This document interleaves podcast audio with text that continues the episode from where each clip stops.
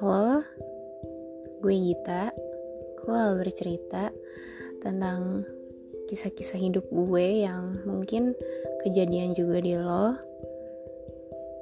Jadi kita bisa relate dan kita bisa ngetawain hidup bareng-bareng sebelum tidur atau lagi beraktivitas atau lagi jenuh. So, yaudah. Selamat mendengarkan.